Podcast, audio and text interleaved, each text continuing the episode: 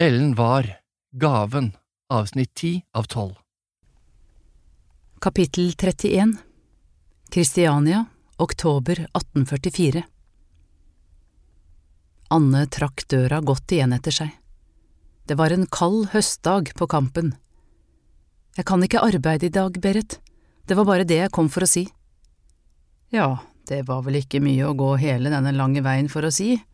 Er du sjuk? I så fall kunne du jo blitt hjemme. Hun ristet på hodet.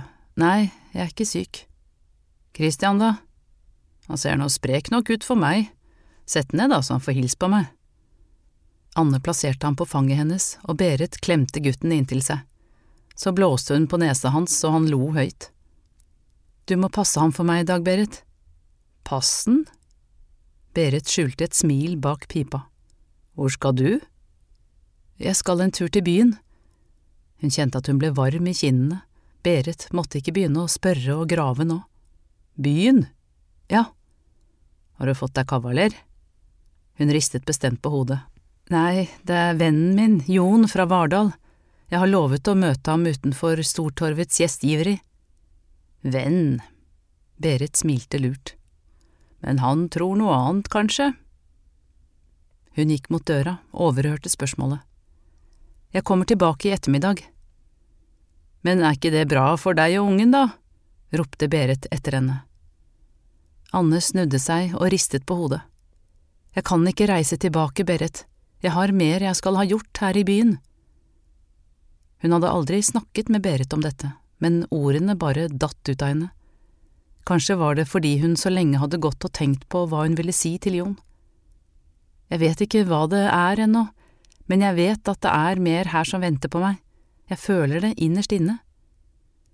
Mer enn å jobbe for meg, mener du? sa Berit snurt.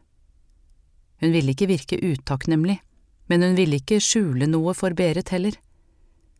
Ja, sa hun, jeg har visst det fra jeg var liten jente.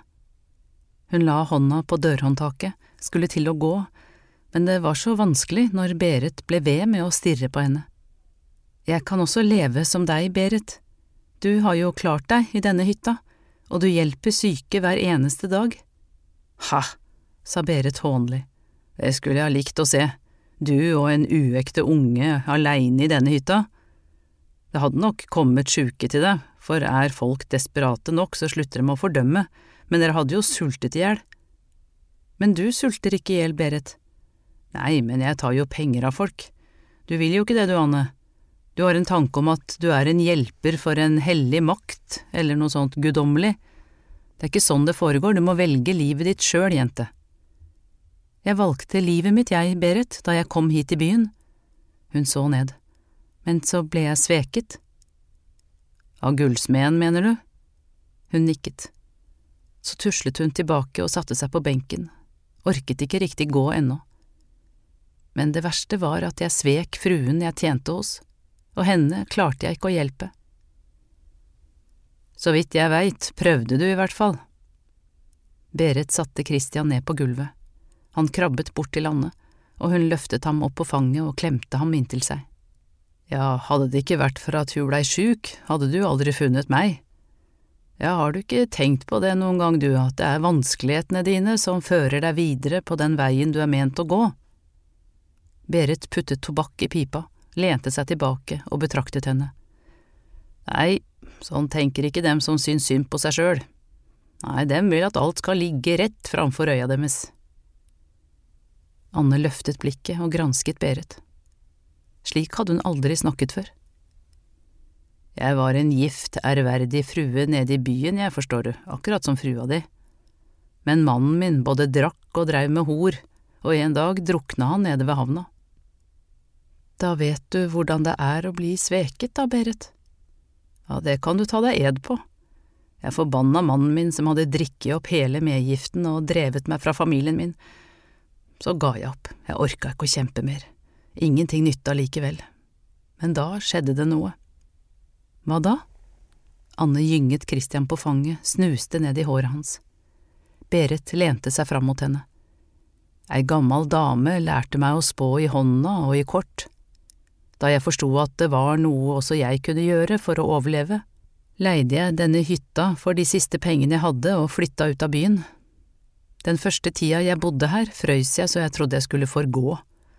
Det var da jeg begynte med pipe, for å holde meg varm innvendig, og så sulta jeg så mye at jeg spiste alt jeg kunne finne oppe i skogen her, bær, nøtter, røtter og bark. Ikke mange som kom forbi for å bli spådd her på kampen, skal jeg si det, men en dag lærte jeg meg å signe og støpe i bly av en klok. Det trakk folk til kampen, og snart hadde jeg nok penger til å kjøpe denne hytta. Siden den gangen har jeg behandla sjuke hver eneste dag. Berit ble stille et øyeblikk, så kikket hun bort på dem. Men som jeg prater, da. Om hun bare kunne få sagt til Berit hva hun betød for henne og Christian.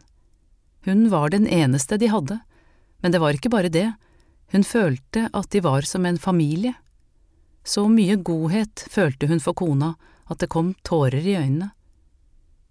Nei, nå får du komme deg ned til byen da, jente. Elseby, som lærte meg opp, sa at når en fant kjærligheten, så ble skjebnen et kall. Så hva venter du på, jente, gå og finn kjærligheten, den venter på deg på Stortorvet akkurat nå. Berit smilte. Se her. Hun bøyde seg ned, åpnet en liten kiste som sto skjult bak stolen hennes, og trakk fram et sjal. Hun holdt det opp med skjelvende, gule tobakkfingre. Det var vakrere enn noe sjal Andrea hadde hatt. Det var himmelblått med myke, blå fløyelsbånd festet langs kantene, og ned fra fløyelsbåndet hang lyseblå pomponger. Ikke engang fru Mustad hadde hatt et sjal som dette. Du kan låne det, sa Berit og smilte. Det var første gang Anne hadde sett Berit rødme. Hun trakk sjalet stolt over skuldrene og klemte henne. Så fin hadde hun aldri vært, og nå skulle hun møte Jon. Ett og et halvt år hadde det gått siden hun så ham sist. Idet hun passerte basarene, så hun to små jenter som løp oppover gata og samlet blader. Hun husket hvordan hun hadde lekt med høstbladene sammen med Karen da de var små. De satte bladene på pinner og lagde bydamer med fine kjoler på. Noen kjoler var gule, noen oransje, men de aller vakreste var de dyprøde, slik som fargen på kjolen Andrea hadde hatt på seg den første kvelden. Hun så spiret på Vår Frelsers kirke, stoppet og rettet på håret, glattet de løse hårstråene mot hodet. Jon ventet på henne like bortenfor. Hun strøk en finger nedover fløyelsbåndene, Berit hadde sagt at fargen kledde de blå øynene hennes. Hva var det han var kommet for å be henne om? Det kilte så underlig i magen, det var akkurat som om hun skulle til et hemmelig møte, som i gamle dager, i hulerommet på den gamle eika.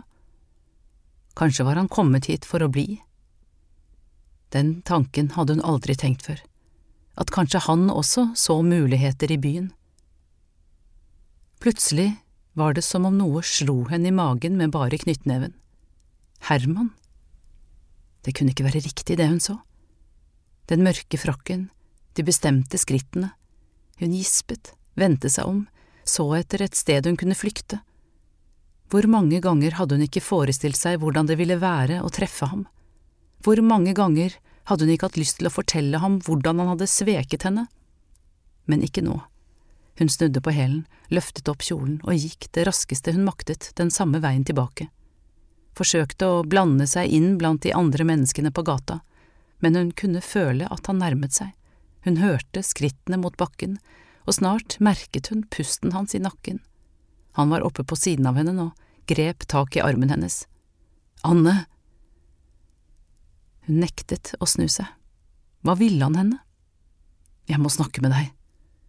Han dro henne bestemt med seg inn i det nærmeste portrommet. Jeg har et ærend, jeg må gå. Jeg har savnet deg, hvisket han. Jeg ventet på deg hver eneste dag oppe på Engeland, sa Anne bestemt, du kom ikke. Anne… Han så bedende på henne. Så hulkinnet han var blitt, så mager. Slipp meg! Andrea er død. Han slapp henne. Hun så ned, følte seg ustø. Jeg har tenkt på deg hele tiden, Anne. Jeg har spurt Hanna etter deg, hun sa at du fikk en gutt. Ja, Herman, en gutt som du ikke ville vite av. Han så forvirret på henne. Vi må snakke sammen. ikke nå. Han strøk fingrene over den myke fløyelskanten, akkurat som hun hadde gjort like før. Du ser godt ut. Nå måtte hun gå, før det var for sent. Jeg har lengtet sånn etter deg, Anne, du forstår ikke. Han tok hånda hennes, hun dro den til seg, men han tok tak i den på nytt og leide henne bort mot åpningen, ut mot den travle gata. Har du ring på fingeren? Det er min mors ring, sa hun og rev hånda til seg på nytt. La meg gå. Men det er noe jeg gjerne vil vise deg, hvisket han og strøk henne over kinnet. Nei, Herman. Hun vendte seg om, men hun så ham likevel, den høye skikkelsen, de myke krøllene i nakken. Hun kjente hver eneste bevegelse, hver muskel, fingrene han dro over ansiktet, munnen som pustet bort en hårlokk som hadde falt ned foran øynene, blodårene som banket i tinningen.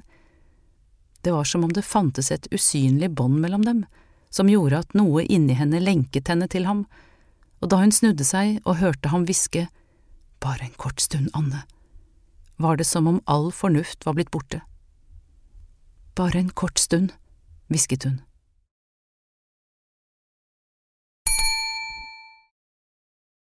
Kiwi er billigst i VGs matbørs og har vært billigst i fire av de fem siste VGs matbørser. Og nå presser vi prisen på påskevarer fram til 1. april.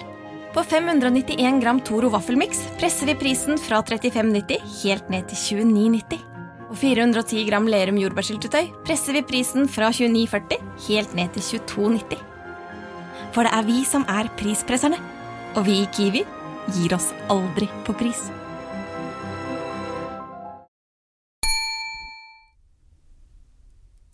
Det var visst ingen som kom ned i verkstedet og ryddet lenger. Flere vinflasker sto på bordet, tomme, mange glass også, noen halvfulle.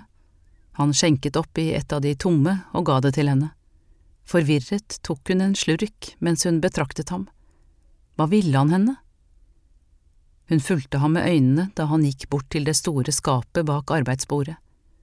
Det var akkurat som om det ikke hadde gått en eneste dag siden hun var her sist. Gå, sa det et sted inni henne, gå mens du kan. Hun så ham sette nøkkelen i låsen, de lange fingrene skalv da han åpnet skapdørene, forsiktig lente han seg fram. Hun gikk et skritt tilbake. Med ett visste hun hva han ville vise henne, hvorfor hun var der. Kronen. Han holdt den fram, like varsomt som om han holdt et nyfødt barn. Hun kjente den igjen, hun hadde sett den i drømmene så mange ganger Kronen bar ikke noe godt med seg, men smertet og skar i henne. Hun måtte finne en vei ut, hun måtte si noe nå, og så gå. Ser du, Anne, den ovale ringen har jeg prydet med fire fiolette ametyster, fire gule topaser og åtte perler. Hun nikket, gikk noen skritt tilbake, skalv over hele kroppen og… Ser du de åtte takkene? Han kom etter, øynene hans glitret, der har jeg festet to edelstener. Jeg har byttet på turmalin, topas og ametyst, og så en liten perle. Øverst på spissen har jeg satt en stor perle mellom gullbladene. I rommet mellom takkene er det en liten perle mellom bladverket i klippet, presset og sisselert gull. Hun tok en ny slurk av vinen. Alt der inne gjorde henne så forvirret. Kronen var så vakker, og likevel, hun tok en ny slurk. Hun skulle ikke være her nå, men det var som om hun ikke lenger maktet å tenke klart. Jeg kommer til å vinne, hvisket Herman. Jeg kommer til å vinne hele konkurransen, jeg vet det. Han satte seg ned ved arbeidsbordet og plasserte kronen foran seg. Så fant han fram en nål og en tykk gulltråd som han førte ned i pullen av dyprød silkefløyel. Kan du se at kronen er laget av gull i flere fargenyanser, Anne? Hun nikket. Jeg har brukt både sølv og kopper. Så våget hun seg endelig bort og lot en finger gli forsiktig over gullet. Ikke for hans skyld, men for hennes, hun måtte vite hvordan det kjentes. Gullet var kaldt. Fingeren fortsatte oppover de skarpe takkene og stoppet ved edelstenene. Hun hadde aldri sett fiolette ametyster eller gule topaser før. Hun hadde ikke engang visst at det fantes slike skatter i verden. Hun rørte ved en av perlene. Øynene sved, og kronen ble plutselig slørete og grå. Alt hun følte var smerte. Det var ingen god kraft hun kjente. Det er viktig at jeg lykkes med dette, Anne. Arbeidet med kronen har krevd alle oppsparingene mine, jeg eier ikke engang gården her lenger. Han reiste seg og løftet den varsomt opp. Hun rygget bakover. Han fulgte etter med kronen i hendene. Hun sto med ryggen mot grua nå, fanget, akkurat som den aller første gangen de møttes. Bak henne var ild og flammer, og foran henne var kronen. Han plasserte den varsomt i hendene hennes. Hun skalv. Så tung den var. Hvordan skulle den lille kronprinsen bære vekten av en arvefyrstekrone på hodet? En tåre falt ned mellom takkene, og hun så at den allerede var signert Øyseth. Ikke bare på ett sted, men på alle takkene. Blodet steg opp i kinnene hennes. Han satte sin signatur på alt som var vakkert, men glemte det hun ga ham. Jeg må gå. Hvorfor det? Bli litt til. Du har visst hele tiden at det aldri skulle bli oss to. Men du forstår ikke, Anne, jeg må bare lykkes med kronen slik at jeg kan få økonomisk fotfeste igjen. Han tok kronen varsomt ut av hendene hennes og satte den forsiktig ned på arbeidsbordet. Men tenker du aldri på sønnen din, da? Hun fulgte etter ham. Sønnen min? Jeg trodde avtalen var at du skulle oppgi en annen far til barnet. Skjule skammen, mener du, sa hun, men lyve deg bort fra ham klarer du aldri. Hun kjente blodet stige opp i kinnene. Han ligner på deg, Herman. Han har fått små, gule krøller allerede. Han er så god. Han strekker seg for hver dag og krabber rundt i hytta til Berit. Berit? En klok kone oppe på Kampen, jeg hjelper henne. En kvakksalver? Han hevet brynene. Du kommer aldri og henter meg og Christian, gjør du vel? Det er for tidlig, Anne. Ansiktet hans ble plutselig blekt, øynene hans flakkende. Det er for mange som husker deg, det må gå mer tid. Hun samlet sammen skjørtet. Jon sto helt sikkert og ventet på henne ved gjestgiveriet, hun så ham for seg, de varme, brune øynene som smilte mot henne. Det sved i brystet, en tåre rant nedover kinnet. Herman stoppet henne og rakte henne vinglasset. Ikke gråt, Anne. De gråblå øynene lyste mot henne. Var det lengsel hun så?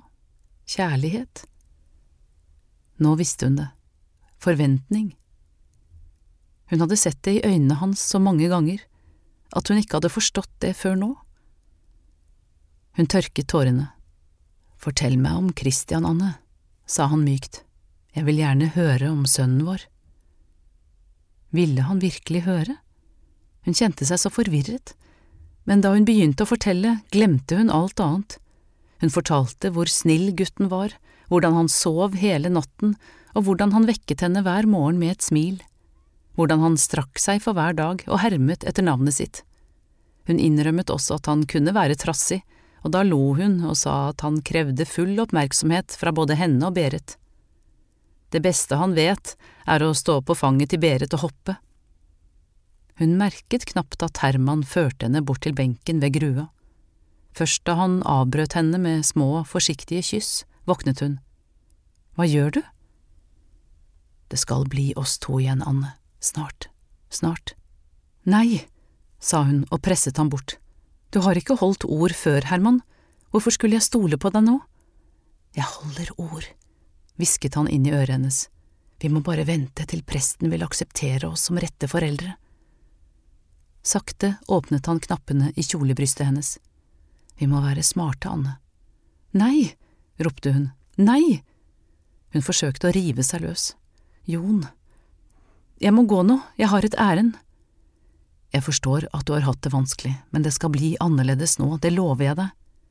Du må la meg være, gråt hun, men armene hans var så gode og trygge, de holdt henne fast, som om han aldri mer ville slippe henne. Hvordan kunne du gjøre dette mot meg, hvordan kunne du la oss fryse og sulte? Jeg visste ikke hvor dere var, det er ikke sant. Hun skalv over hele kroppen, følte seg så svak. Du kunne ha funnet oss om du ville. Jeg er så lei for det, Anne. Jeg skulle ha gjort mer. Jeg må gå, hvisket hun. Bli hos meg, Anne. Øynene hans var store og bedende. På nytt forsøkte hun å rive seg løs, men han fortsatte å kysse henne. Det brant inni henne. Ingen andre hadde fått henne til å føle dette. Det var som om hun ikke var seg selv lenger, men en som hadde vært borte lenge og endelig hadde funnet veien hjem. Kapittel 32 Det var med tunge skritt hun gikk opp til kampen neste dag. Hadde det ikke vært for Berit, ville hun ikke ha visst hva hun skulle gjøre nå. Det blå sjalet bar hun i hånda. Da hun gråt, holdt hun det foran ansiktet. Hvert skritt hun tok, var i skam. Nå følte hun igjen hvordan det var å miste seg selv. Hva hadde gått av henne? Han ville aldri holde et ord av hva han hadde sagt. Hente henne. Hadde hun virkelig trodd på det? Svak var hun. Hun som hadde trodd at hun var på rett vei nå. Hun som så seg selv leve som Elseby, som Berit, et menneske som var kallet til å gjøre gode gjerninger. Hun sparket borti noen kvister som lå foran henne i veien. Hun hadde lett etter Jon på torvet etterpå, men han hadde ikke vært å se noen steder. Hun hadde lyst til å skrike, men holdt sinnet inni seg så hun ikke skulle skremme Christian. Berit måtte hjelpe henne. Berit ville vite hva hun skulle gjøre nå. Hun ville fortelle henne alt, legge hodet i fanget hennes som et barn og gråte. I går kveld hadde hun ikke orket å si noe, da hun var oppe for å hente gutten sin. Berit hadde nok bare trodd at hun var taus og lei seg etter å ha tatt farvel med bestevennen. Ikke vær så trist, Anne, hadde hun sagt da var det vel ikke den riktige kjærligheten om du lot ham gå. Og så hadde Berit gitt henne det blå sjalet, sagt at det var hennes til odel å eie, at hun fortjente det. Men i dag måtte hun si det, fortelle hvor svakt et menneske hun var, og så ville hun gi sjalet tilbake. Hun fortjente det ikke. Det var begynt å regne, det blåste surt, hun så ned i bakken, enset ikke noe rundt seg annet enn Christian, som satt og sturet på armen. Han hadde sovet da hun hentet ham hos Berit kvelden før, og fant ikke roen da de kom hjem. Han merket det vel på henne, han også, at noe var galt. Og nå var de sent ute, for selv sovnet hun ikke før utpå morgenkvisten. Hun dro det gamle sjalet over hodet hans så han ikke skulle bli så våt. Ikke før de var nesten framme, kikket hun opp. Det vrimlet av mennesker utenfor hytta til Berit. Det slo henne at det ikke var torsdag, og at det måtte være noe som var fryktelig galt, siden det var så mange der nå. Hun heiste Christian høyere opp på armen og løp det raskeste hun maktet den siste biten bort, så sølen skvatt rundt bena hennes. Så stanset hun og hev etter pusten, kjente blodsmaken i munnen. Hun er død, gråt en mor med en liten jente som lå og sov i armene hennes. Død? Anne så seg forvirret rundt. Det kunne ikke stemme. Ja, død, bekreftet en annen mor som sto ved siden av med en gutt på hofta. Hun hadde lyst til å rope ut at de måtte ta feil, men flere kom til og flokket seg rundt henne. Magre ansikter sto tett i tett foran henne i regnet og ventet på at hun skulle si noe, helt til en eldre kar gikk ut av flokken og stilte seg like foran henne. Det var en svensk predikant som tok livet av henne, sa han og spyttet. Han lurte henne og sa at han var syk, men da han kom inn, skremte han henne med dommedagens grusomheter og krenka arbeidet hennes. Han ville omvende henne fra overtroen, det var det han ville. Hvordan vet du det? Anne så fortvilet bort på ham. Døra sto på gløtt, forklarte han alvorlig. Jeg ble mistenksom og fulgte med. Christian skrek høyt nå. Det var tydelig at han var redd for alt som skjedde rundt dem, men hun måtte vite. Hva skjedde? Mens han leksa opp for henne, ramla hun av stolen og falt død om på gulvet. Jeg må se henne, ropte hun og presset seg mellom alle menneskene. Hun er ikke der lenger, ropte de etter henne. Er ikke der, men de henta henne i dag tidlig. Den eldre karen fulgte etter henne. Ja, og så fant dem 5000 spesidaler. 5000 spesidaler? Ja, og et testamente, sa den unge moren som først hadde sagt at Berit var død. Det lå i en liten kiste bak stolen. Og der sto det at alle pengene hun etterlater seg, og hytta og hagen, skal gå til de fattige og husville på kampen. Hun dro opp døra, mens Christian skrek og sparket med bena. Inne ble hun stående helt stille. Det luktet fremdeles tobakk. Signeutstyret lå klart, de hvite koppene sto på fatet, og et halvfullt sølvstøp på bordet. Hun sank ned på stolen Berit alltid satt i når de kom om morgenen, og slo hendene foran ansiktet. Gode Berit, hadde hun spart opp alle pengene hun hadde tjent til de fattige og husville på kampen? Og hun som hadde tatt henne for å være grådig? Og alt det Berit hadde gjort for dem? Nå fikk hun aldri takket henne, aldri fortalt at det var her hos henne de følte seg hjemme. Regnet trommet på taket. Christian roet seg der inne, hun også. Berit, gode Berit, utbrøt hun. Så rettet hun seg opp. Det var som om hun hørte Berits hese stemme. Dumme jente, når skal du slutte å stole på menn og begynne å stole på deg selv? Det var jo det eneste hun ville, stole på seg selv, bruke gaven sin. Hun slo hånda så hardt i bordet at blyklumpen foran henne spratt. Så lot hun blikket vandre fra benken hvor pasientene brukte å sitte, til grua med støpeutstyret og de små blyklumpene, til de hvite koppene på brettet og blondeduken hun dekket hodene deres med. Hun visste hva hun skulle gjøre for å signe og støpe, hun kunne både formularer og bønner. Det var hun som skulle ta over etter Berit. Hun skulle nok føre signepraksisen hennes videre med verdighet.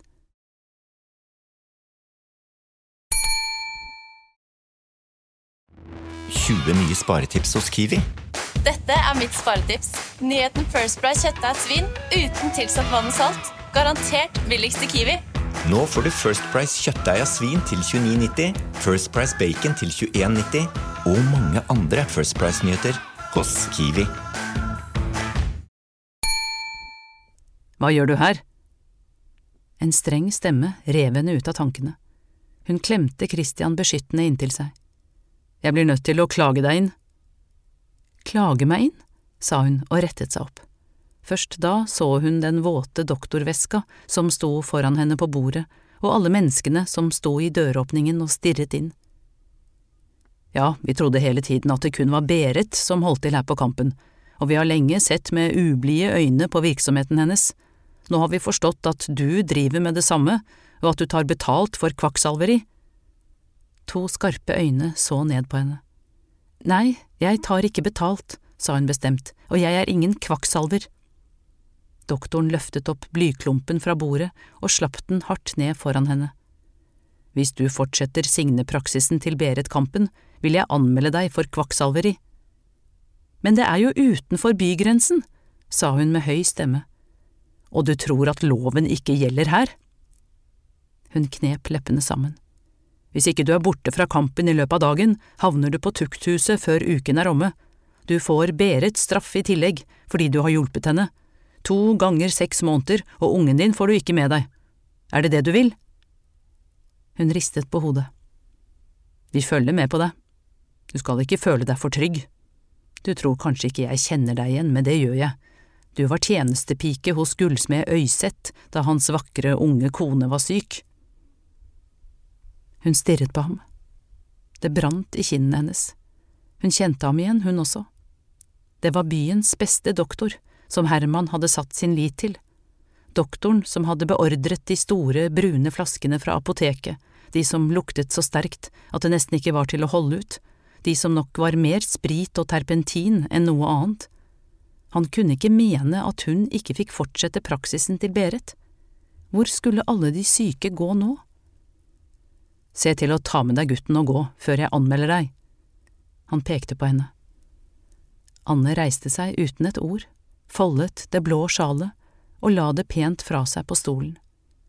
Så løftet hun Christian opp på armen og gikk. Kapittel 33 Gamlebyen i Kristiania, april 1845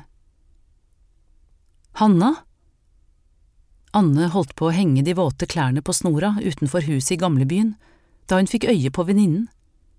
Hun hadde vasket klærne til Christian i en sinkbalje bak huset. Hun festet det siste plagget med en klype og gikk henne ivrig i møte. Så lenge det var siden de hadde sett hverandre, ikke siden Engeland, og nå var Christian blitt godt over året. Kan jeg komme inn? Hanna rettet på sjalet og blottet så vidt den stive kragen under. Hun så ikke ut til å ha endret seg mye. Kinnene var kanskje enda litt rødere og friskere, og huden glattere og finere. Det var nok ikke så hardt å jobbe for Herman som for skomakeren. Det går ikke, jeg får ikke ha besøk inne, vi kan stå her ute et øyeblikk. Hun tittet raskt inn gjennom vinduet. Christian sto og vagget mens han holdt seg fast i kanten på sengebenken. Så dro hun Hanna med seg bak huset. Jeg våger ikke å irritere husverten, han er redd jeg ikke skal klare husleien. Det er over et halvt år siden jeg mistet inntekten hos Berit, og bare et og annet dagsarbeid har jeg fått siden. Hun tørket svetten av panna. Så godt det er å se deg, Hanna. Deg også. Hanna så usikker ut et øyeblikk, flakket med blikket. Anne nappet av en gul regnfann som hvilte opp mot huset. Herr Øyseth har spurt etter deg. Har han spurt etter meg? Hun fnøs. Ja, han ville vite hvor han kunne finne deg, men jeg svarte som sant var at det ante jeg ingenting om. Jeg vil heller ikke fortelle om det nå som jeg vet det. Hanna tok en pause og sukket. Nå når jeg ser hvordan det er fatt med deg. Anne tok hendene beskyttende på den store magen og svelget noen ganger. Det var ikke sånn det skulle gå, Hanna. Pøh, sa Hanna og trakk på skuldrene. Den skamma skal du ikke ta så tungt, men denne gangen håper jeg i hvert fall det er vennen din fra Bardal. Jeg var på vei for å møte ham, men så kom noe i veien, stotret hun. Det var ikke det som var meningen. Du mener ikke… Hanna stirret vantro på henne. Han sa at han bare skulle vise meg noe, Hanna. Jeg føler meg så dum. Hun slo hendene for ansiktet. Jeg ville så gjerne fortelle ham om Christian. Hanna ristet på hodet. Det er ikke din skyld, Anne. Ikke hennes skyld, hvem sin skyld var det da? Hun hadde gått med ham frivillig. Hun var like skyldig, hun som noen annen, hun hadde ikke klart å motstå, det var slik det var. Hun nappet av en ny regnfann. Hvordan fant du meg da? Jeg lette og spurte rundt i gatene her etter deg og gutten din til jeg fant deg. Jeg er glad du kom, Hanna. Hanna smilte til henne. Jeg har tenkt så mye på deg og gutten din. Hun satte seg ned på en stein og la skjørtet i pene folder. Det er blitt så annerledes i huset, Anne. Hun sukket, etter at han vant konkurransen. Vant Herman konkurransen? Kvalmen steg i henne. Hanna nikket. Det er Hermans krone som skal brukes ved kroningen i Nidaros. Hun så den for seg. Skinnende gull, edelstener og perler, og øysett stemplet mellom alle takkene. Det var vel mer til seg selv enn noen annen han hadde laget den. Hun så ham ta imot applausen i gullsmedlauget, bukke dypt og stolt, kledd i fløyel og silke. Hun vemtes ved tanken. Nå hadde han blitt det han hadde kjempet for, arvefyrstekronens mester, ære og berømmelse. Hva var det verdt? Hvordan kunne hun ha mistet seg selv for en som ham? Da er han vel stolt, da? Stolt, ja. Hanna strøk en liten, ru hånd over kinnet hennes, blind og stolt. Du kan ikke vente deg noe hjelp fra den kanten lenger. En gang sa han at når vi var sammen, ble alt annet så uviktig. Det må du slutte å tenke på, sa Hanna og blåste bort et hårstrå som var falt ned i det ene øyet. Det eneste som betyr noe nå, er at du klarer deg. Når venter du? Midt på sommeren en gang. Du ser trøtt ut. Jeg er trøtt, Hanna, jeg er trøtt av å kjempe, trøtt av å være redd for neste dag, om jeg har mat nok til Christian, tak over hodet. Berit sa at vanskeligheter er det som fører oss videre på den veien vi er ment å gå, men jeg vet ikke lenger. Jeg kan ta med noe til deg. Nei, Hanna, jeg gir ikke opp. Du skal ikke utsette deg for noe. Men om det ville hjelpe deg… Hun ristet bestemt på hodet. Ikke fra Hermans hus. Jeg må gå snart. Hanna reiste seg opp og klemte henne. Herr Øyseth tror jeg er nede i basarene og handler inn, det er middagsselskap i morgen, jeg må forberede alt. Hun begynte å gå bortover gata. Følg meg litt oppover, da. Ser du noe til de andre pikene? Anne fulgte etter. Bare Guro og Åse. Sofie, da? Sofie tror jeg ikke det har gått så bra for. Hva mener du? Anne stoppet, kjente hvordan det sved i brystet. Åse sa at hun hadde sett deg nede i Pipevika. Pipevika? Jenter på hjørnet av Sjøgata med store, flotte hatter på hodet, strutsefjær, var Sofie blitt en av dem? Ikke Sofie? Hanna tok hånda hennes. Ikke gråt for det, da, Sofie er ikke den første som har havna der nede, det er også en måte å slippe sulten på.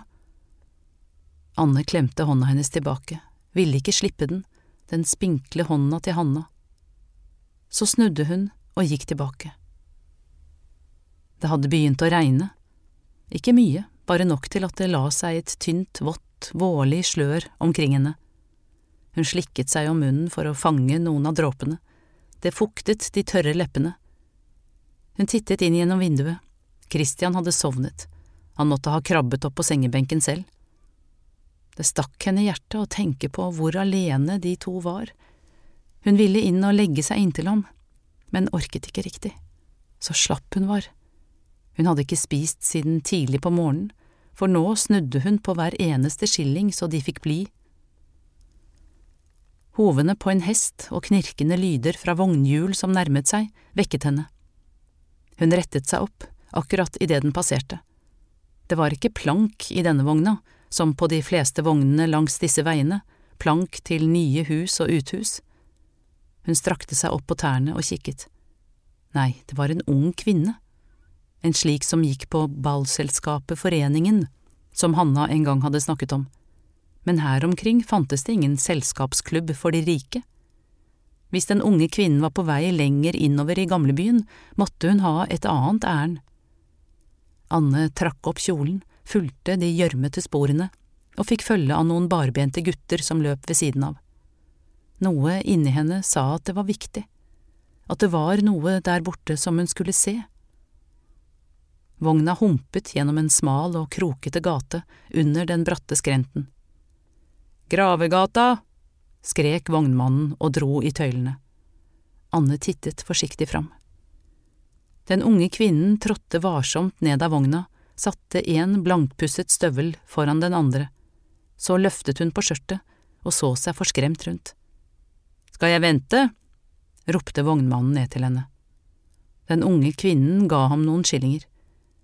Kom tilbake om to timer, hvisket hun og skyndte seg inn i en liten rønne av et hus med et falleferdig uthus ved siden av.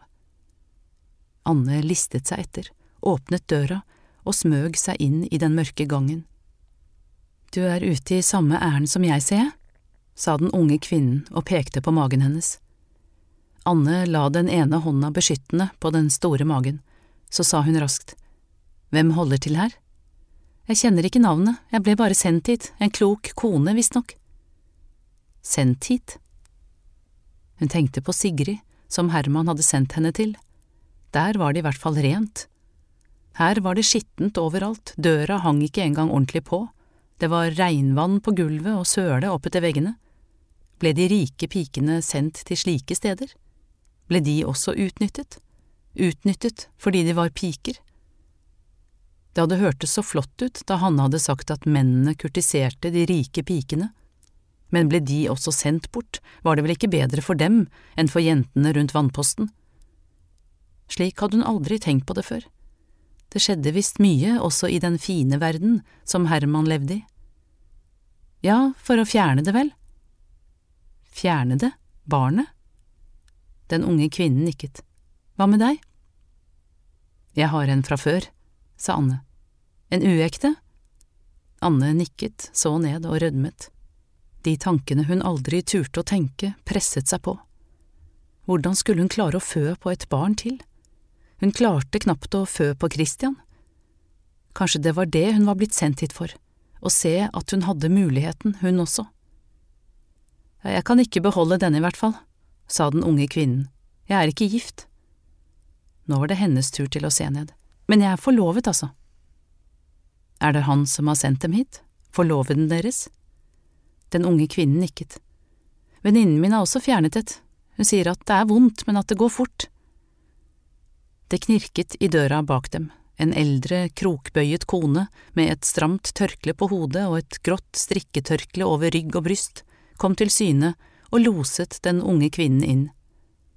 Anne gikk etter, forsøkte å kikke inn i rommet innenfor, men alt hun kunne se var en benk, noen håndklær og en sinkbalje. Så gled døra igjen. Hun ble stående. Den unge kvinnen var ikke gift, hun heller, men penger til å få fjernet barnet hadde hun. Hva kunne det koste? Med to unger på slep ville det være umulig å få arbeid, det var vanskelig nok med Christian på armen, men barnet hun bar var jo allerede en del av henne, hvordan skulle hun kunne klare å fjerne det? Den unge kvinnen der inne, hun klarte det. Anne ville vente på henne, følte seg på en forunderlig måte forbundet med denne unge kvinnen, selv om hun tilhørte en annen verden. Hun forsto henne og valget hennes. Noe uekte barn hadde hun aldri hørt om i herskapshusene, bare et og annet stakkars pleiebarn som noen tok inn utenifra og forbarmet seg over. De uekte barna tilhørte hennes verden, der ute i gatene.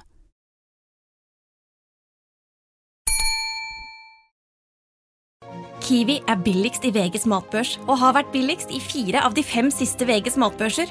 Og nå presser vi prisen på påskevarer fram til 1. april. På 522 gram Toro pannekakemiks presser vi prisen fra 42,90 helt ned til 34,90. På 410 gram Lerum bringebærsyltetøy presser vi prisen fra 32,90 helt ned til 22,90. For det er vi som er prispresserne. Og vi i Kiwi gir oss aldri på pris. Hun lente seg inntil veggen. Det kunne ikke være riktig at det var en klok kone der inne. Ikke en slik som hun ville være, i hvert fall, en som lindret og helbredet. Elseby hadde en gang fortalt om en jente i Vardal som hadde spist en plante som visstnok skulle være giftig, for å fordrive barnet sitt. Hun spiste så mye av den at hun selv ble forgiftet og døde. Det hadde skremt henne. Berit hadde andre historier. Ja, hennes var enda verre, for de handlet om dødsstraff, om halshugging for kvinner som fjernet barna sine selv. Men så hadde Berit forklart at den loven var fjernet, at det nå var straffarbeid på tukthuset som gjaldt. Tenk om Berit hadde sett henne nå, så usikker på hva hun skulle gjøre. Plutselig ble tankene avbrutt av et hjerteskjærende skrik fra rommet ved siden av. Hun fikk lyst til å rive døra opp og redde den unge kvinnen ut. Det måtte da snart være over, det som skjedde der inne. Men like plutselig var det stille igjen. Dødsen stille. Det var så klamt og fuktig i gangen at det ikke var til å holde ut. Råttent luktet det også. Hun brakk seg i grøfta like utenfor. Det lettet. Berit hadde sagt at de som kalte seg kloke og som fjernet andres barn, var dem som fikk de strengeste straffene, og at om kvinnen døde, kunne det bety dødsstraff. Anne stanset brått. Kanskje det var det som hadde skjedd der inne? Kanskje hun ikke hadde stått det over? Hun rev opp plankene som utgjorde ytterdøra. I gangen sto den unge kvinnen og trakk hanskene på de smale byfingrene. Nå er det din tur, sa hun. Anne ristet febrilsk på hodet. Hun ville kjempe for dette barnet, akkurat som hun kjempet for Christian. Jeg kan vente her med dem til vogna deres kommer, hvis de vil. Den unge kvinnen fant en stubbe like ved siden av huset og satte seg. Jeg blør så forferdelig, utbrøt hun. Så trakk hun av den ene hansken og førte noen bleke fingre opp mot ansiktet. Jeg hadde aldri trodd jeg skulle gjøre noe slikt som dette. Hun begynte å gråte så hele kroppen ristet. Først, da ble jeg fylt med varmt vann, hikstet hun, men pinnene var det verste. Så mye elendighet det var i denne byen. Anne la hånda varsomt på skulderen hennes. Så mye som ble fortiet i de fine stuene, så mye skam, så mye sorg. Det var ikke bare hun som led. Hun gikk i hvert fall rundt med skammen sin på armen, og når hun tenkte etter, var den ikke hennes sorg, men hennes glede. Nei, det var ikke det verste. Den unge kvinnen så opp på henne med hovne øyne. Jeg får aldri vite om det var en gutt eller en pike. Vognmannen ventet. Anne tok den unge kvinnen i armen og hjalp henne opp. De må ikke angre på det de har gjort, frøken. Anne smilte til henne. Livet vil gi dem flere muligheter. Det må de stole på. Kapittel 34 Kristiania, juli 1845 Anne så på huseieren. Han kunne ikke mene at hun ikke fikk komme inn. Anne skalv i bena, og på den ene hælen hadde hun et gnagsår som blødde. Morten Halvorsen nikket mot plankene. Disse skal til Jens Andersen i Lakkegata. Der er vogna, du kan ikke bo her uten å gjøre opp for det. Jeg skal betale for meg, bare la meg bo her til barnet er født. De siste to ukene hadde hun ikke betalt leien, og nå ville han ikke slippe henne inn før hun hadde gått flere ærender for ham. Hun lente seg tungt mot skjulet, det var så hett. Hodet sprengte som en verkebyll. Anne gikk bort til haugen, løftet en og en planke opp i vogna til den var full. Han fulgte henne med blikket, det brant i ryggen. Så løftet hun til slutt Christian opp på toppen av plankehaugen. Hun kunne gjerne gå ærender for ham, som betaling for rommet, men ikke nå, hun var for tung. Hun skubbet vogna bortover Oslogate, over hull og humper, og la merke til en flokk med fugler som fløy lavt idet hun passerte den hvite ladegården. Hun krysset Bispegata. Svetten drev nedover ansikt og bryst. Ved vannposten på Oslo Torv stoppet hun, plasket vann i ansiktet og drakk seg utørst. Christian hadde kveilet seg sammen og sovnet på toppen av plankehaugen. Han fikk drikke senere. Ikke før hun kom til hjørnet av Breigata og Lakkegata, stoppet hun igjen. Der sto det to jenter og hang. Hun klarte ikke la være å se på dem. De holdt i hvert sitt knytte, akkurat som hun selv hadde gjort den aller første dagen. De var nok nyankomne til byen. Hvorfor kom de hit, tenkte hun. På jakt etter arbeid, eller kanskje en ektemann? Hva var drømmene deres, håpene? Hun så nedover seg selv, den struttende magen i den gamle kjolen. Sømmene var igjen åpnet, og så snart barnet var kommet, skulle de sys igjen. Hvilken reise hadde Gud egentlig sendt henne selv ut på? Hva ville han med henne? Vi kan jo alltids be om fattigstøtte. Anne holdt pusten og spisset ørene. Det er bedre enn å gå rundt og fryse og sulte. Tenk når vinteren kommer, vi fryser i hjel hvis vi ikke har noe sted å bo. Nei, det må vi ikke be om, sa den andre. Vet du ikke at hvis vi sier at vi er uten arbeid, så kan vi bli arrestert og dømt til straffarbeid for tigging og løsgjengeri? Det ble broren min. Han ble dømt til å plukke stein i et steinbrudd i flere måneder, og ei jente jeg kjenner ble sendt på tukthuset for å veve. Himmelen var i ferd med å mørkne. Det var kjøligere, byen hadde stilnet. Ikke engang fuglene sang. Hun rettet seg opp idet et lysglimt skar over himmelen. Ikke hadde hun håp lenger, og hvor var klarsynet blitt av? Et kraftig drønn fikk jentene til å springe nedover i retning torvet, med knyttene dinglende langs siden. Hun fulgte dem med blikket, som om det var seg selv hun kikket etter, som om hun akkurat hadde kommet til byen og kunne gjøre nye valg. Så rettet hun seg opp og trillet videre idet himmelen åpnet seg og regnet slo hardt mot jorda. Endelig fant hun adressen. Hun banket hardt på døra. Bakgården, ikke her. Kona som åpnet, pekte mot portrommet. Hun dro vogna inn i bakgården. Kaldt, redd, mor. Christian hadde våknet av uværet, og nå gjentok han disse ordene som skar hjertet hennes. Hun hadde ingenting å tulle rundt ham, for sjalet lå igjen hjemme i gamlebyen. De måtte få komme inn og tørke seg før de gikk tilbake. Kommer du hit med våte planker? Hun hadde ikke hørt at døra gikk opp, men en ganske kortvokst mann med hissige øyne sto plutselig foran dem. Er du Jens Andersen? Han svarte ikke. I stedet gikk han ut og viftet mot henne og vogna med ville armbevegelser, som om hun var en motvillig ku som ikke ville inn på båsen, helt til hun sto ute i Lakkegata igjen. Da ropte han, De våte plankene kan du ta med deg tilbake til Morten Halvorsen. Plutselig kjente hun at noe var annerledes. Varmt vann rant ned på innsiden av kjolen, nedover bena og inn i de våte støvlene. Hun satte vogna ned igjen og lente seg mot den. Slik var det ikke da Christian ble født, men hun skjønte jo hva som skulle skje.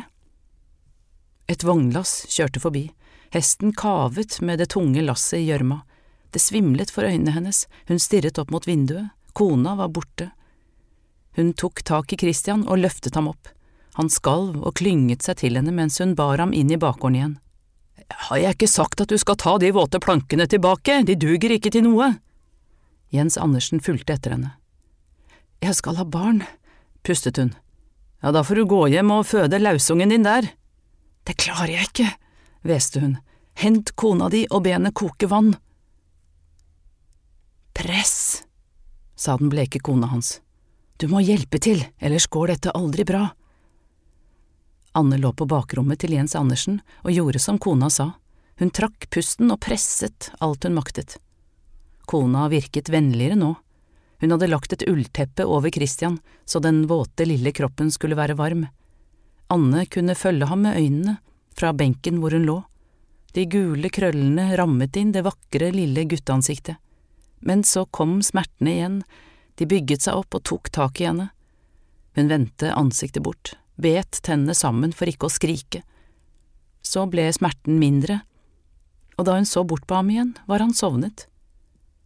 Hvor kommer du fra? spurte kona. Vardal, hvisket hun. Jeg mener her i Kristiania, hvor bor du?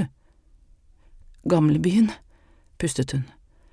Så var smerten der igjen, tok tak i henne, rev og slet, og i et glimt så hun den unge, fortvilede kvinnen som hadde fjernet barnet sitt. Hvor var hun nå, tro? Hun skrek. Pust, sa kona, og pustet selv så dypt hun kunne. Anne forsøkte å puste som kona, men da smertene kom tilbake, klarte hun ikke å puste lenger. Hun tok tak i kjolestoffet, holdt det hardt opp mot ansiktet og skrek. Hun kunne ikke kjenne annet enn smerte nå, ikke en eneste pause. Nå kommer barnet ditt, ropte kona, jeg har tak. Anne kjente hvordan det løsnet, at barnet forsvant ut av kroppen hennes, ut i livet. Er det noe galt? Det var så stille i rommet. Alt hun hørte var Christians svake smatting borte ved døra. Du må gjøre noe, ropte hun og heiste seg opp på albuene. Hold ham opp ned, Rist i ham!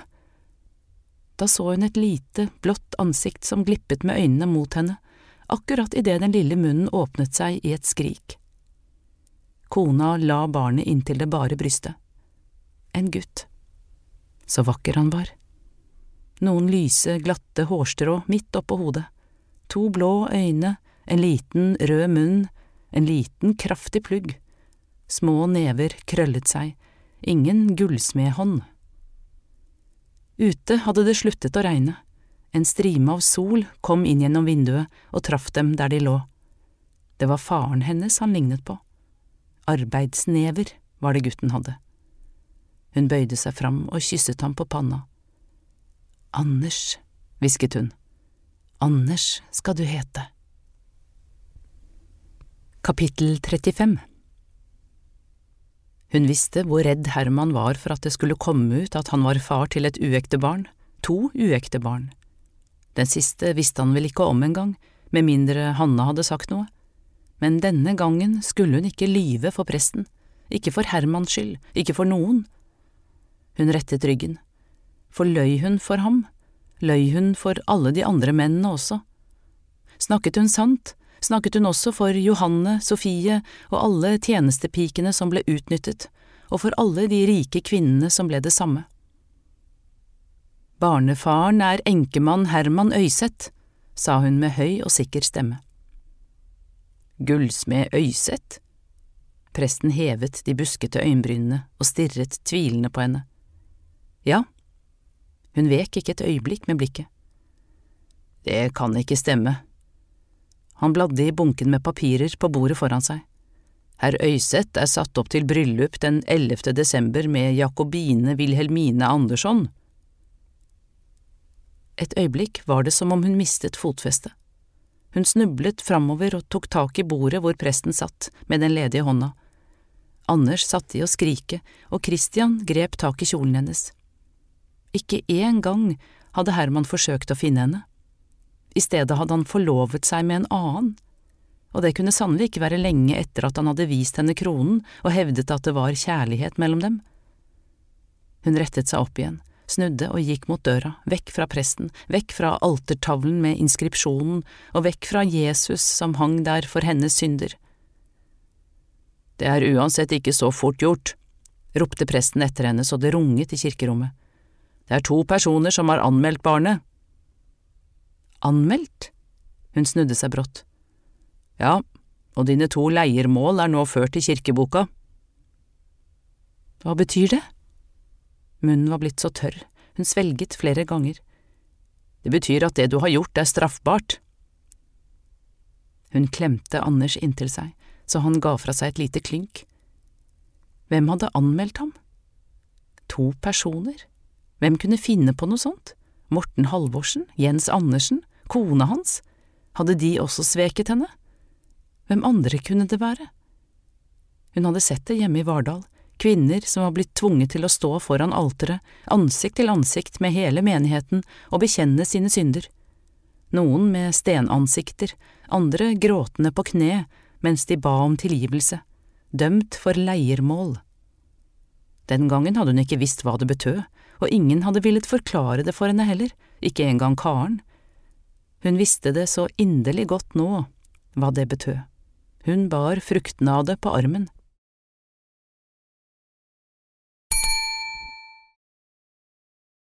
Kiwi er billigst i VGs matbørs og har vært billigst i fire av de fem siste VGs matbørser. Og nå presser vi prisene på frukt og grønnsaker. På 200 gram broccolini setter vi prisen til 24,90. På 400 gram Cevita blåbær setter vi prisen til 49,90. Og husk, alle Kiwi Pluss-kunder får i tillegg 15% trumfbonus på all fersk frukt og grønt. For det er vi som er prispresserne. Og vi i Kiwi gir oss aldri på pris. Du er heldig. Presten pekte på henne. Den gamle loven ville ha sendt deg lukt på tukthuset første gang, men det er den nye loven som gjelder nå. Han hevet stemmen. Du slipper denne gangen, Anne Marie Andersdatter, men får du et barn til, slipper du ikke unna. Stemmen var høy og messende. Får du tre barn med tre forskjellige menn uten å være gift med noen av dem, vil også du bli straffet. Hvem skulle ta seg av barna da? hveste hun mellom sammenbitte tenner. Det burde du ha tenkt på før. Neste gang du kommer rekende hit med et uekte barn, slipper du ikke unna med mindre du kan bevise at du skal gifte deg med en av fedrene. Hun tiet. Det var ingenting mer å si. Hun ville gå, men presten vinket henne tilbake. Forholdet må uansett anmeldes, men du slipper forhøret hos sorenskriveren denne gangen, og har du løyet om barnefaren, vil du bli straffet. Jeg lyver ikke. Hun stirret ham rett inn i øynene og sa med bestemt stemme. Barnefaren er gullsmed Herman Kolbjørnsen Øyseth, Kirkegata 15. Presten ristet på hodet, så bøyde han seg lut over bordet og skrev med sirlige bokstaver. Piken Anne Marie Andersdatter har gjort barsel i Lakkegata hos Jens Andersen den 18. juli bor hos Morten Halvorsen i Oslogate. Barnefar er enkemann Herman Øyseth. Annet leiermål. Oslo Hospitals kirke. Dato 24. august 1845. Så dyppet han pennen i blekkhuset på nytt og skrev Anders Oluf Øyseth, uekte. Da dåpen var over, løp hun helt til hun sto foran huset i Kirkegata 15 med en gutt på hver arm og gispet etter pusten. Anne, hva gjør du her? Hanna måtte ha sett henne fra vinduet, for hun kom løpende ut og stilte seg opp foran henne. Jeg skal snakke med Herman, sa Anne og gispet etter pusten. Han er ikke her. Kan jeg komme inn og vente? Nei, det er klart du ikke kan. Hva har skjedd med deg? Hanna så fra henne og bort til Christian og videre bort på den lille bylten på armen. Han er ute på reise, og jeg vet ikke når han kommer tilbake, du kan ikke være her, Anne. Hun verken svarte eller beveget seg, bare tørket noen svettedråper fra panna med kjoleermet. Så samlet hun seg og sa høyt. Han skal ikke få lyve for meg mer, Hanna. Vær så snill, du må gå nå. Hanna fikk røde flekker på halsen. Vet du at noen har anmeldt barnet mitt, Hanna, og at jeg har fått to leiermål innskrevet i kirkeboka? Nei, Herman skal få vite hva han har gjort. Hun trampet forbi Hanna. Du må ta med deg guttene og gå. Hanna løp etter og stanset foran henne. Det er ikke trygt for deg her. Christian gled ned fra armen hennes i det samme og stabbet alene bortover mot døra. Møt meg borte ved vannposten på Stortorvet i kveld, så kan vi prate, sa Hanna mens hun forsøkte å stanse gutten. Hvor er Herman? Han er på reise, og jeg vet ikke når han kommer tilbake. Det er sant. Hanna så bedende på henne, øynene var fulle av tårer, de røde flekkene hadde flyttet seg opp til ansiktet. Gå nå, Anne. Og forloveden hans, er hun kanskje med? Hvordan vet du at han er forlovet? hvisket Hanna. Presten sa det. Jeg har akkurat døpt den andre sønnen hans mens han er ute og reiser med den unge og vakre forloveden sin. Hun er ikke ung, hun er like gammel som deg, 30 år, og hun er slettes ikke så vakker, tilføyde hun raskt. At han hadde vunnet konkurransen, kunne du fortelle meg om, Hanna, men ikke forloveden. Tenk når de kommer tilbake og får høre hva han har gjort. Hun hastet forbi Hanna og grep Christian fra toppen av trappa, hun skalv. Hun skulle nok komme tilbake så snart Herman var hjemme igjen, dette skulle han ikke slippe unna. Hun visste nok hvordan sladderen spredde seg fra vannpostene og utover byen, inn i hver eneste krik og krok, opp baktrappene og inn i hver eneste finstue. Hun bøyde seg ned for å løfte opp Christian, som sparket motvillig med bena, men hun var sterk nå, og heiste ham raskt opp på armen. Gutten skrek så han var rød i ansiktet. Det samme gjorde den lille bylten på den andre armen. Da sto plutselig en kvinne, kledd i en sort silkekjole med hvit blondekrage om halsen, like foran henne. Anne ble stående som lammet, hørte så vidt Hannas raske skritt oppover trappa bak henne. Hun mønstret kvinnen foran seg. To mørke fletter var bundet stramt opp på hver side av hodet. Ansiktet var ikke vakkert og gyllent som Andreas, men det var mildt. Øynene var gråblå, nesa litt krum og munnen blek og tynn. En skinnende sølvnål var festet på brystet. Hun kjente den igjen, hun hadde selv pusset den. Hun heiste Christian høyere opp. Han var stille nå, og Anders gråt hadde gått over i stille klynk. Det fantes både gode og onde krefter i verden, det hadde Elseby en gang forklart for henne. Det var de onde kreftene som satte seg som sykdom og forbitrelse i kroppen til menneskene, og de gode som helbredet dem. Hun klarte å skille mellom de to nå. Men kreftene fantes ikke bare utenfor dem, som Elseby sa, de fantes inne i alle mennesker, også i henne, og hun var fri til å velge. Hvilken skyld hadde vel kvinnen foran henne? Hun var også en kvinne som var blitt lurt, selv om hun var blant dem som gikk på ballselskap. Hun visste ikke hva slags mann hun hadde forlovet seg med. Anne skimtet Hanna ved siden av seg, kjente venninnens undrende blikk på seg, men Hanna trengte ikke frykte henne. Det gjorde heller ikke Hermans forlovede. Anne neide så pent hun kunne, snudde seg og gikk tilbake mot Stortorvet, akkurat idet klokkene ringte inn til kveldsgudstjeneste i Vår Frelsers kirke. 20 nye sparetips hos Kiwi. Mitt sparetips er nyheten fra First Price. Store tortillalefser. Garantert billigst i Kiwi. Nå får du First Price store tortillalefser til 29,90, First Price kjøttdeig av svin uten salt og vann til 29,90 og mange andre First Price-nyheter hos Kiwi.